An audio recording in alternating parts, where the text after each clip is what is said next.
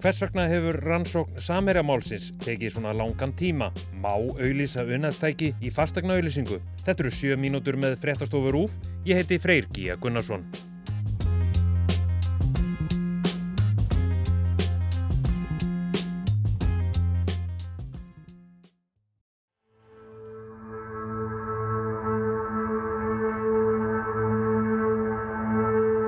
Bráðum verða liðin fjögur ár frá því að fréttaskýringaþátturinn Kveikur fjallaðum Samerjaskjölin.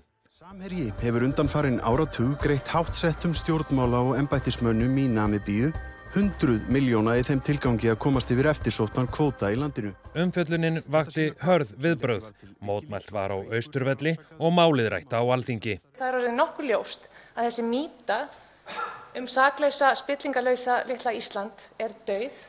Þetta er stór alvarlegt mál sem að fjalla hefur verið um í fjölmjölum síðastliðin sólarhing. Mál sem þarf Ég bara heiður sindur með því tækifæri til að taka þátt í þeirri umræðu um þetta sorglega og suttalega mál. Ráðgert er að réttaröld í namibíska ánganum hefjist í byrjun næsta árs. Hér á landi hafa nýju réttarstöðu sakbortnings í rannsókn hér að saksóknara og það hefur verið gaggrínt hversu langan tíma rannsóknin hefur tekið. Og við, við heyrum reglulega þá spurningu hvort Ólafur og hans fólk séu yfir höfuð að sinna þessu eitthvað. Já, jú, við erum að því. Þetta er Ólafur Þór Haugsson, hér að saksóknari, í viðtali við Stíg Helgásson fyrir Kastljós. Viðtalið verður sínt á þriðu dag. Ólafur reynir þar að varpa ljósi á af hverju rannsóknin hefur verið svona tímafreg. Það má meðal annars rekja til gagna sem beðið hefur verið eftir frá Namibíu og komið til landsis í sömar. Það tók nú svolítið tíma en við fengum samt gögnin sem að beðið var um núna í sömar og það stendur yfir úrvinnsla á þeim. Hér að saksóknari vill líka taka skýslur í Namibíu. Skýslu þátturinn hefur ekki eða þá frágengin. Þannig að þá eftir að taka það skýslu sem að við óskuðum eftir út í Namibíu. Eru það skýslur sem þið viljið taka eða viljið að séu teknar fyrir ykkur? Við óskuðum eftir því að í það minnsta að vera viðstættir. Við höfum ekki fengið neinn nöfn á þeim sem á að taka skýrslur að þarna úti en, en hann segir það við okkur, Ólafur, að þetta séu bæði sakbúrningar og vittni í málinu þarna sem er reikið úti í Namibíu og við vitum það er fólk úr stjórnkerfinu sem eru þar sakbúrningar meðal annars fyrirhundir á þeirrar og, og aðri. Gögnin sem bárust frá Namibíu sömar virðast hafa verið mikilvæg fyrir rannsóknina. Ólafur fullir yfir við okkur að, að þetta séu gang sem breyti ímsu fyrir þeirra rannsókn og sé greinlega alveg bráð nöðsynlegt að hafa til þess að geta lagt loka hund á þetta. Hversu umfóksmikil er þessi rannsókn á samhæraskjörunum orðin? Hún er mjög umfóksmikil.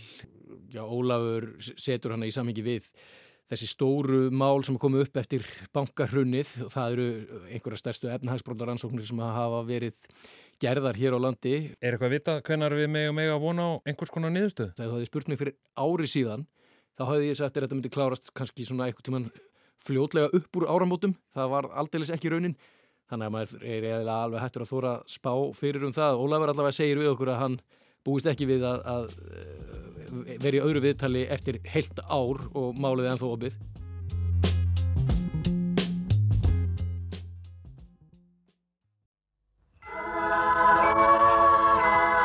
Það get ekki allar auðlýsingar verið kókauðlýsingin. Fyrirtæki hafa í dag hins vegar bísna margar leiðir til að koma vöru sínum á framfæri, meðal annars með aðstóð áhrifavalda. Eins og stelpurnar í LXS hópnum eru, svo dæmis í tekið. Neytendastofa fylgist með hvort fyrirtæki fylgi lögum í markasetningu sinni og í vikunni gerðist það í fyrsta skipti að fyrirtæki var sektað fyrir dulda auðlýsingu í gegnum áhrifavald. Oh my god, ég var að fatta svo fyndið. Ok, gerður er blöss, selur glæsum... Blöss selur hjálpartæki ástalífsins. Eigandi vestlunarinnar hafði stilt upp önastækjum í fastegna auðlýsingu fyrir eigin fastegn. Í framhaldinu saðist þekktur áhrifavaldur hafa uppkvætað dýrðina í fastegna auðlýsingunni og byrti á samfélagsmiðlun. Bara með þessu auðlýsingu og svo allar aðra þá þarf bara að koma fram að um auðlýsingu sé að ræða. Og það var ekki í þessu tilviki? Í þessu tilviki kom það ekki fram. Gæti ég auðlýst önastæki í fastegna auðlýsingu? Það gæti verið svolítið snúi en eflaust þetta að finna út úr því hvernig það verið hægt með það þá nægilegu merkingum og, og allar upplýsingar kemur fram sem þurft að koma fram. Þórun Anna Árnadóttir er fórstjóri neytundastofu. Gerður Arembjarnadóttir, eigandi blöss, gaf ekki kost á viðtali.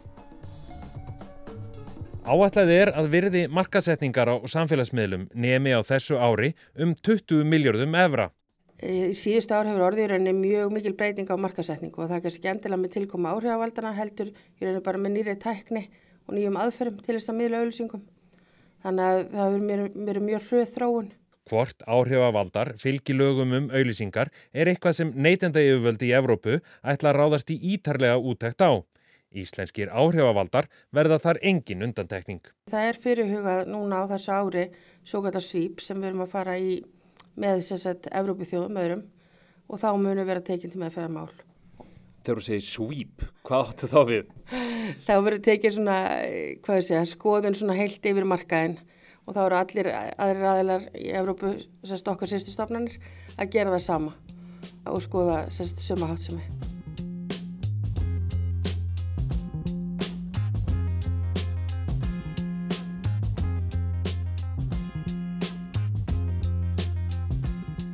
Þetta voru sjö mínútur með fréttastofu Rúf. Næsti þáttur verður á miðugudag. Þú getur nálgast frétti Rúf á hlaðvarpsveitum, Instagram og TikTok og alltaf á rúf.is í útvarpi og sjónvarpi. Ég heiti Freyr Gíja Gunnarsson. Veriði sæl.